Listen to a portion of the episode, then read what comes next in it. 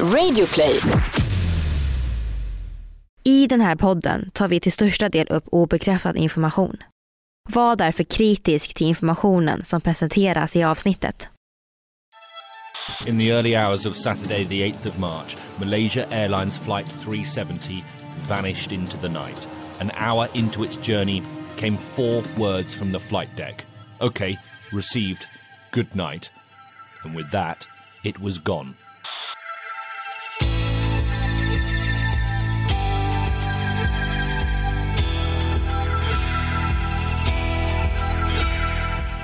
Ni lyssnar på Konspirationsteorier, en podcast med Vivi och Aida. Och det här är en annan sida av historien om Malaysia Airlines flyg MH370. Planet som försvann spårlöst över en natt i Indiska oceanen.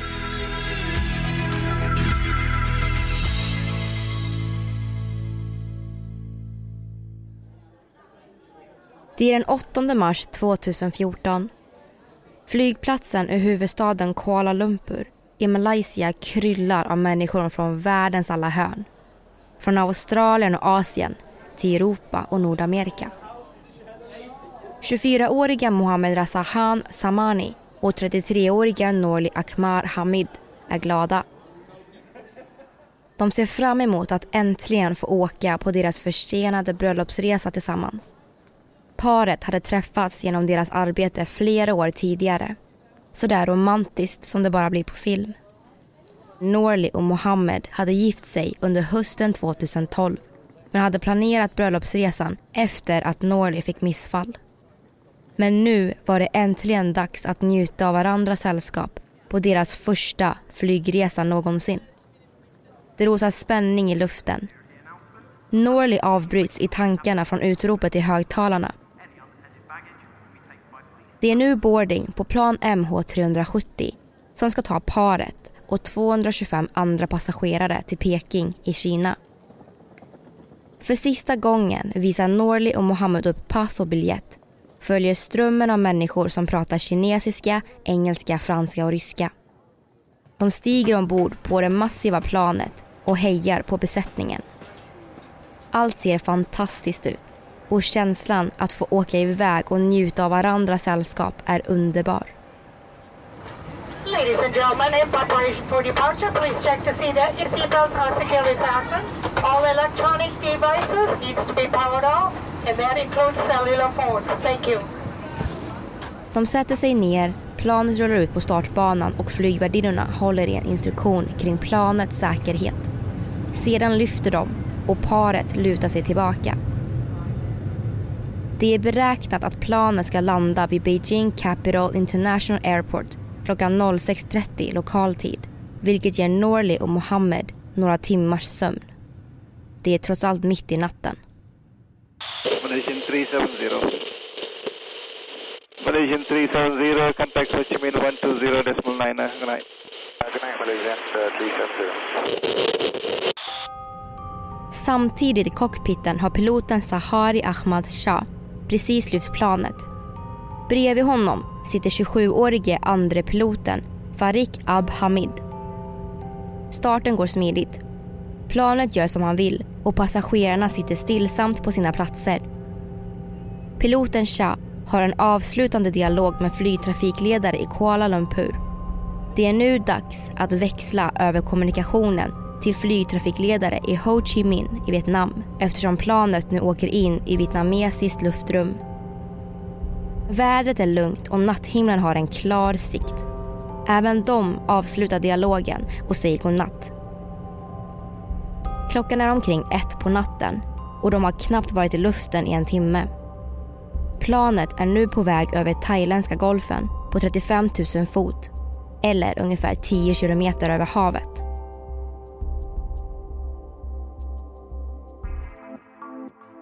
Men bara en minut och 43 sekunder senare försvinner planet ur radarn i Kuala Lumpur, Ho Chi Minh och Bangkok. Alla försök att kontakta planet misslyckas. När MH370 inte landar i Peking några timmar senare startar vad som i nuläget är ett av världens största sökuppdrag efter ett flygplan. Men vad hände egentligen med Malaysia Airlines flyg 370? Och hur kan ett flygplan bara försvinna? Det ska vi prata om idag när vi ska diskutera en konspirationsteori om ett försvunnet flygplan med 239 personer ombord. Det här är en podcast för dig som är intresserad av en annan version av verkligheten. En version som tar upp alternativa teorier, mystiska sammanträffanden och diskussioner om vad som kan vara sant.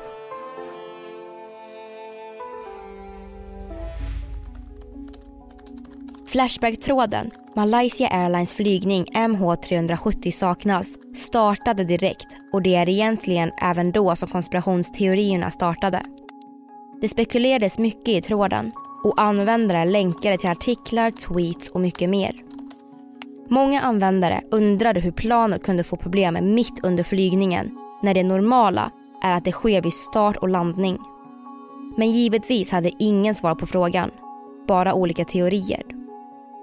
När planet inte landade i Peking startade sökinsatsen efter MH370 direkt. Planet försvann ur radarn i Bangkok, Ho Chi Minh och Kuala Lumpur över thailändska golfen. Det vill säga ovanför havet mellan Indonesien och Vietnam. Det kunde bara gå till på två sätt. Planet använde en form av positionsspårning genom en signal från en av två transpondrar ombord. Antingen slutade båda transpondrarna att fungera eller så avaktiverades systemet manuellt av någon ombord på planet. Men hur kunde det hända? Besättningen bestod av 12 personer och troligtvis var de ensamma med kunskapen kring flygplan och signalspårning. Av de 12 personer är det inte ens säkert att alla hade den kunskapen. Så kunde transpondrarna ha slutat fungera, båda två, bara sådär. Sökinsatsen inleddes mellan thailändska golfen och Sydkinesiska havet där planet slutade positionssignalera genom transpondrarna. Man kopplade snabbt in malaysiska militären och genom ytterligare teknik kunde man följa hur planet fortsatt sin färd under natten och morgonen. Planet slutade nämligen inte att existera när det försvann ur radarn. Det bara slutade spåras via flygradarn. Men det militären upptäckte blev en chock. Direkt efter piloten hade avslutat samtalet med flygtrafikledare i Ho Chi Minh gjorde planet en sväng åt höger följt av en total omvändning i luften. Planet var istället på väg i en sydvästlig riktning tillbaka mot Malaysia. Vid halv två på natten gjorde ett annat flygplan ett försök att kontakta piloten. Malaysian 370. Malaysian 370. Men samtalet förblev obesvarat.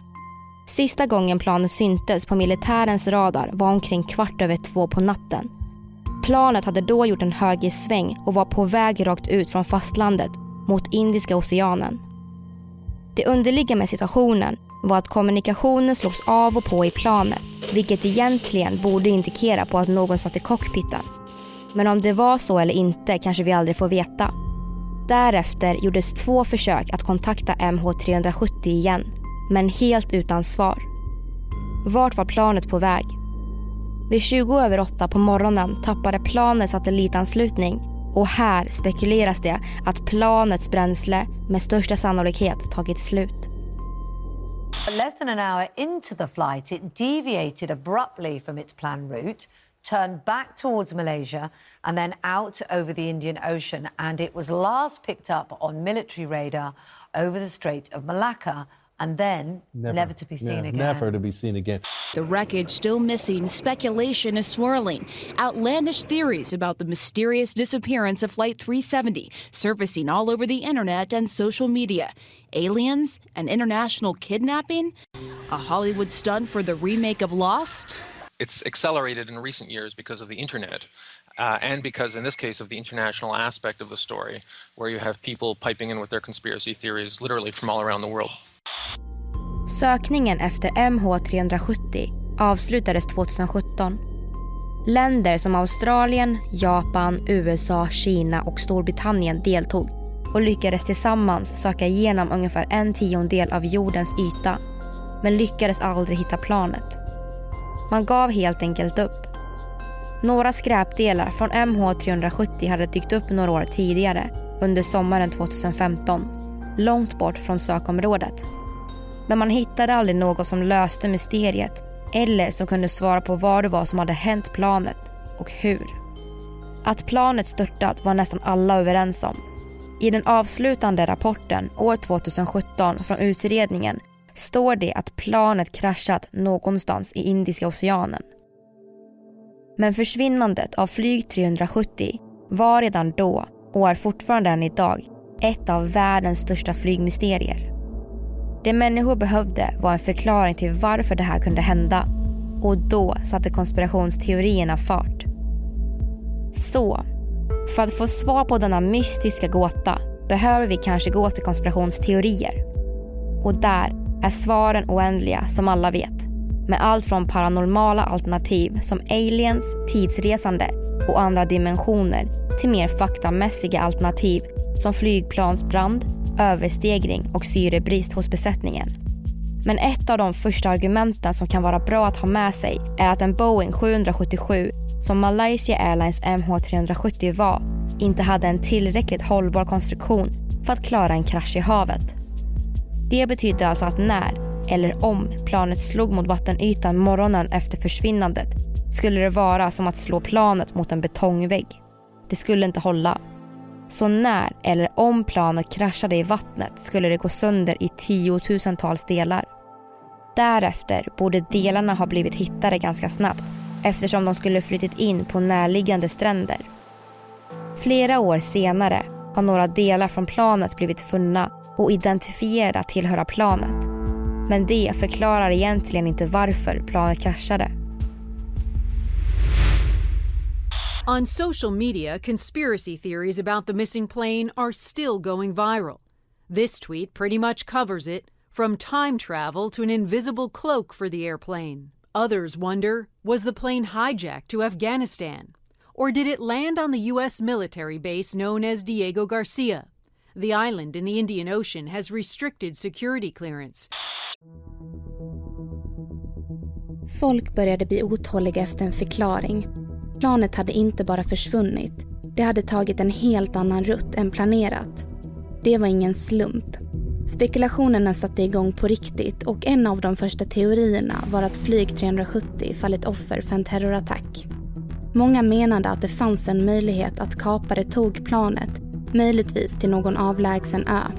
En rysk tidning menade att terrorister kunde ha flygit planet till Afghanistan och där hållit alla passagerare som gisslan. Andra konspirationsteoretiker menade att det kan ha varit möjligt att en person smugit sig ombord på planet innan piloten, besättningen och passagerarna steg ombord. Denne mystiska person skulle då ha gömt sig i ett golvutrymme som låg utanför dörren till cockpiten för att i det utrymmet manuellt kunna försätta planet i ett spökläge genom att koppla bort transpondrarna som visade planets position via radarn. Personen skulle troligtvis varit en anställd eller någon som hade tillgång till resurserna för att göra det. Att kunna genomföra planen kanske hade varit möjligt men vad kunde personen haft för motiv? Kunde personen varit en del av en terrorgrupp? Kanske, men än idag finns det fortfarande ingen terrororganisation som har tagit ansvar för attentatet och man har inte heller hittat något bevis för att det skulle vara så.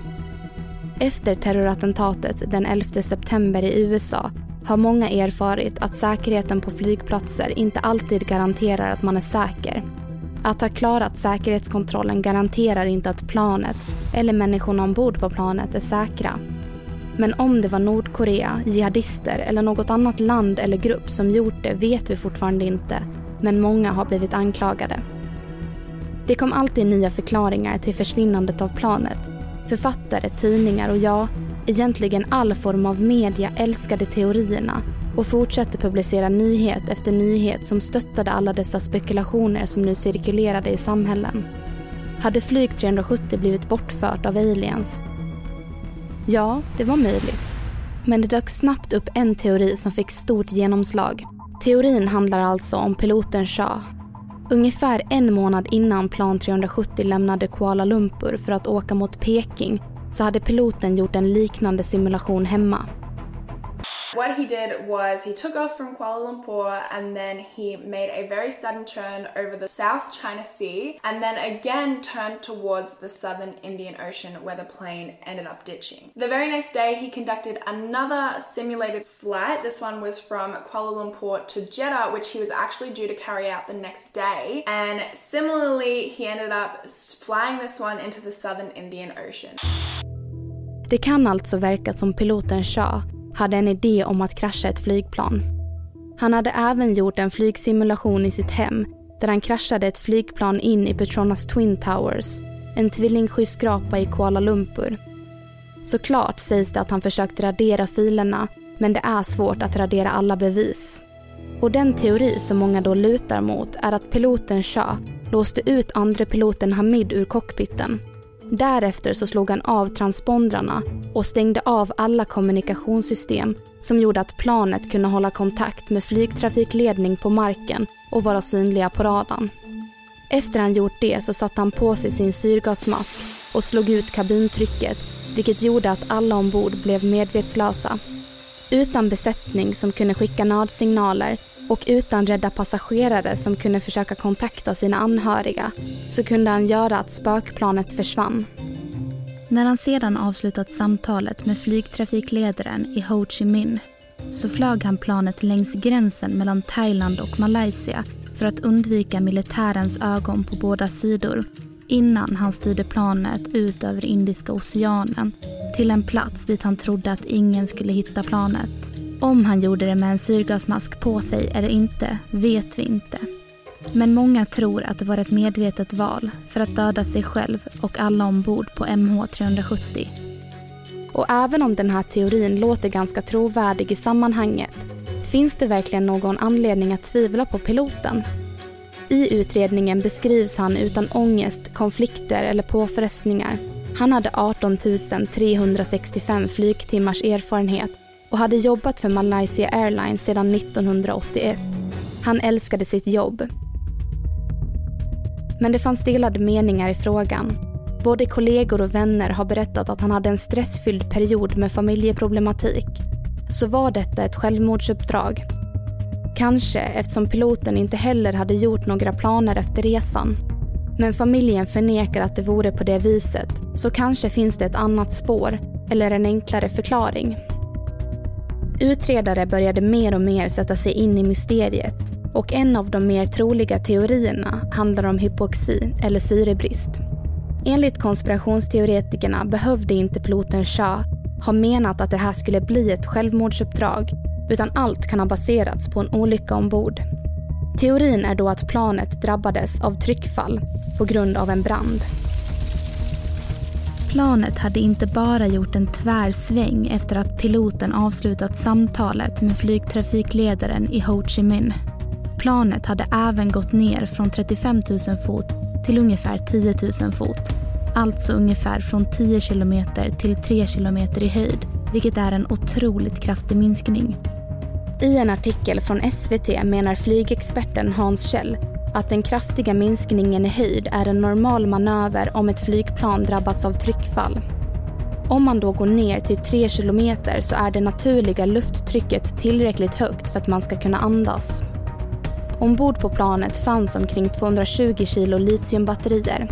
Om branden exempelvis startade i litiumbatterier så kan det ha varit ett försök av piloten Shah att få kontroll på branden eller att han förberedde sig för en nödlandning. Det är oerhört vanligt att syrebrist leder till förvirring och kan ha gjort att piloten avvek från kursen på grund av att han inte visste var de befann sig. Eftersom besättningen inte svarade på de kommunikationsförsök som gjordes så kanske det var på grund av att de var medvetslösa. Wall Street Journal har lagt upp sin teori om vad som hände MH370 på Youtube de säger att ett troligt händelseförlopp är genom Ghost Plane Scenario som förklaras så här. Shortly after signing off to Malaysian ground control, a fire erupts on Flight 370. In the midst of this, the pilot and co pilot scramble to navigate to the nearest airport, flying either manually or by entering a new point into the autopilot. That could explain the right turn Malaysian military radar may have picked up from Flight 370. Within moments, the smoke growing thicker, even with masks and oxygen on, the pilots pass out before getting the chance to radio a distress signal. But Flight 370 flies onward, autopilot keeping it on course until it runs out of fuel, then likely crashing into the ocean. Det som Wall Street Journal säger i videon låter som ett troligt scenario. Men vad hände i så fall efter? De tror så här. One, it explains the transponder and other electronics going dark. The pilot may have pulled the circuit breaker on the transponder, trying to prevent the fire from spreading, or the fire itself may have disabled the equipment. It would explain why nothing really suspicious has been found in the background of the pilot or co pilot, and why no motive or suspects has been identified as of yet in the plane's disappearance. Syrebrist orsakar förvirring, desorientering och kan förklara varför planet gjorde en sväng. Men syrebrist leder också till död, vilket kan gå snabbt och även förklara om planet därefter flög på autopilot. Det kan ju faktiskt vara så att alla ombord var medvetslösa, även piloten Shah. Det finns otroligt många fler teorier om Malaysia Airlines flyg 370 och kanske finns svaret i någon konspirationsteori. Det finns många frågetecken som förklaras, andra förstärks. Men vi kan ju alltid hoppas att planet finns där ute någonstans med svaren på de frågor vi haft sedan mars 2014.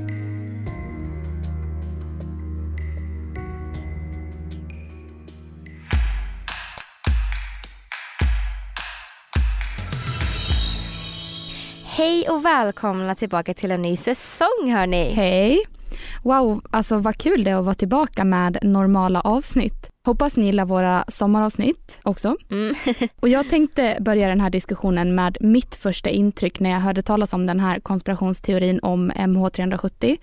Och det är såklart serien Lost. Mhm. Och ni som har sett den, ni kanske vet att den handlar om ett plan som försvinner och alla i omvärlden tror att de har dött men i själva verket så befinner de sig på en mystisk ö. Då. Eh, Det är en svinbra serie som jag tycker att alla borde se. Så att jag hoppas ju faktiskt lite att eh, det här planet också har landat på en mystisk ö. Mm, ja, det är ju en väldigt intressant aspekt av det. Att kunna tänka sig att de har landat på en mystisk ö. Mm. Den måste jag ju kolla på. Jag har ju hört talas om den. Så. Ja, jo men det måste du. Mm. Men Vivi, du har ganska bra koll på det här med piloter och deras jobb. Så jag tänkte, kan inte du förklara lite så att vi andra får perspektiv på det här mysteriet? Ja, absolut. Jag bor ju med två flygvärdinnor så lite koll har man ju. Vad känner du att du vill veta? Jo, men för det första, vad är pilotens huvudsakliga jobb? Ja, alltså en pilots jobb är att navigera ett flygplan i luften från start till slutdestination. Vilket är något som kräver hundratals med flygtimmar av utbildning för att ens kunna få flyga ett litet plan med passagerare. Och Shah flög ju då ett stort plan med hur många passagerare som helst. Så han hade ju uppenbarligen hundratals med flygtimmar. Och de här piloterna då måste vara i konstant kontakt med ATC som står för Air Traffic Control. Men på svenska så säger vi flygtrafikledningen. Sen är det ju så att ifall en olycka skulle hända så kommer planet att varna piloten som då måste gå igenom massa protokoll och rutiner. Och det är ju något som de har blivit tränade till. Och då går de igenom de här grejerna för att kolla hur de ska lösa självaste problemet. Så att vara pilot är ett jätte, jätte, jättestort ansvar. Man är i total kontroll av planet och ens handlingar i en olycka kan antingen rädda liv eller ta liv. Oj, ja det låter verkligen som ett jättestort ansvar som piloter har på sina axlar. Ja, jo, nej men verkligen. Och grejen är ju den att de största problemen brukar ske när man lyfter planet eller när man landar. Mm. Så det som är så konstigt i det här fallet är ju att olyckan hände när de var på en raksträcka. På autopilot Ja, liksom. Precis. Men lite annan information som även är relevant här är att på plan så finns något som mina rumskamrater kallar för black box. Och det är helt enkelt en inspelningsutrustning som finns på alla plan som spelar in all kommunikation som händer på planet. Så när ett plan exempelvis har kraschat så är det the black box som man letar efter i första hand. För den kan ha bevis kring vad som faktiskt orsakar kraschen i och med att allt är inspelat. Men i detta fall med Malaysia Airlines så har ju planet försvunnit och man har därav inte kunnat hitta själva blackboxen. Vilket gör att man fortfarande än idag inte vet vad som har hänt. Men på tal om Blackbox. När planet slog mot vattnet så är det ju självklart att det gick sönder i tusentals bitar eftersom att det är konstruerat att vara lätt och gjort i aluminium och så. Så i efterhand så har man ju hittat delar som flytit upp på stränder. Men det är också lite konstigt att det tog så lång tid för delarna att hittas, men det är ju ett annat mysterium. Men det jag blir fundersam över är varför planets svarta låda inte blivit hittad. För att även om planet gick sönder i små delar så är den här lådan konstruerad att inte kunna förstöras. Den ska vara väldigt stöttålig och ska klara av ett haveri. Och den är utrustad med olika sändare som ska göra att man ska kunna lokalisera den. Och då har jag hört att den sänder ut en puls i sekunden och det ska aktiveras under vattnet. Så varför har den här lådan inte hittats? För de har ju kraschat i vattnet. Ja, det är en bra fråga. Vad tror du kan ha hänt? Jag vet inte, för det kan väl inte vara så att när bensinen tog slut så störtdök planet ner och att det gjorde att lådan gick sönder, väl? Nej, alltså när bränslet tar slut och motorerna slutar att fungera så kan man fortfarande glida på vinden för att så fort som möjligt försöka nödlanda. Du vet så som fåglar gör. Och om man har tillräckligt med fart så går det bra att glida på vinden men farten kommer hela tiden att minska och efter en stund så kommer planet att förlora sin fart och börja falla rakt ner mot marken på grund av gravitationen. Det är ju frågan om, han, om det här var ett självmordsuppdrag för då kanske han ville störtdyka ner det. Ja, och angående den teorin så har jag faktiskt lite information om självaste cockpiten. Så cockpiten är där piloterna sitter och styr planet. Och teorin kring att Cha ska ha låst ut sin co-pilot är något som faktiskt går att göra i praktiken.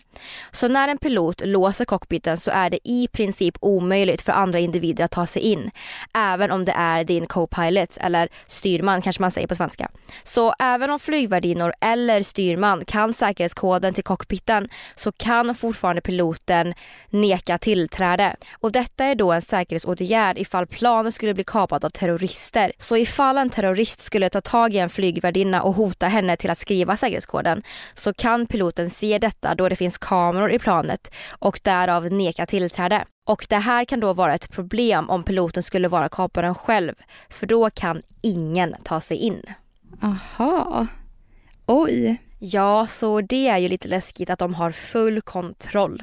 Mm. Men angående piloten Cha så finns det en hel del information där ute om just honom. Men man vet ju inte om dessa är sanna eller inte. Så det jag säger nu kan lika gärna vara 100% falskt. Mm. Men tydligen så sägs det att piloten Cha hade ett väldigt dåligt äktenskap där han var väldigt olycklig och otrogen mot sin fru med flera flygvärdinnor. Och detta var tydligen något som hans fru visste om.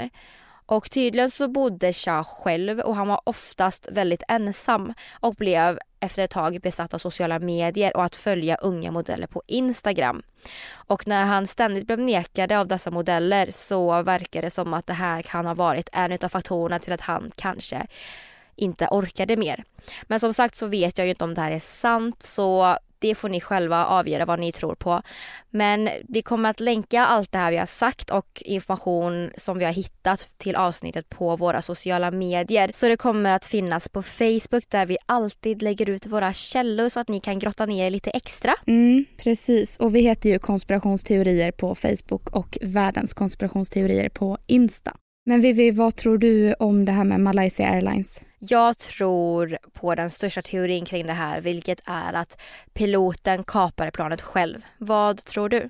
Jo, jag håller väl med dig om att jag tror att det har någonting med han att göra. Mm. Eftersom att han flög planet mellan Thailand och Malaysia så känns det som att han inte ville att någon skulle se planet. För det sägs att han eh, typ satte på kommunikationen igen när han var över sin hemstad Penang, tror jag att det heter. Och eh, det kan ha varit för att säga hej då, att det var att han hade bestämt sig för att han ville ta livet av sig själv och alla andra då.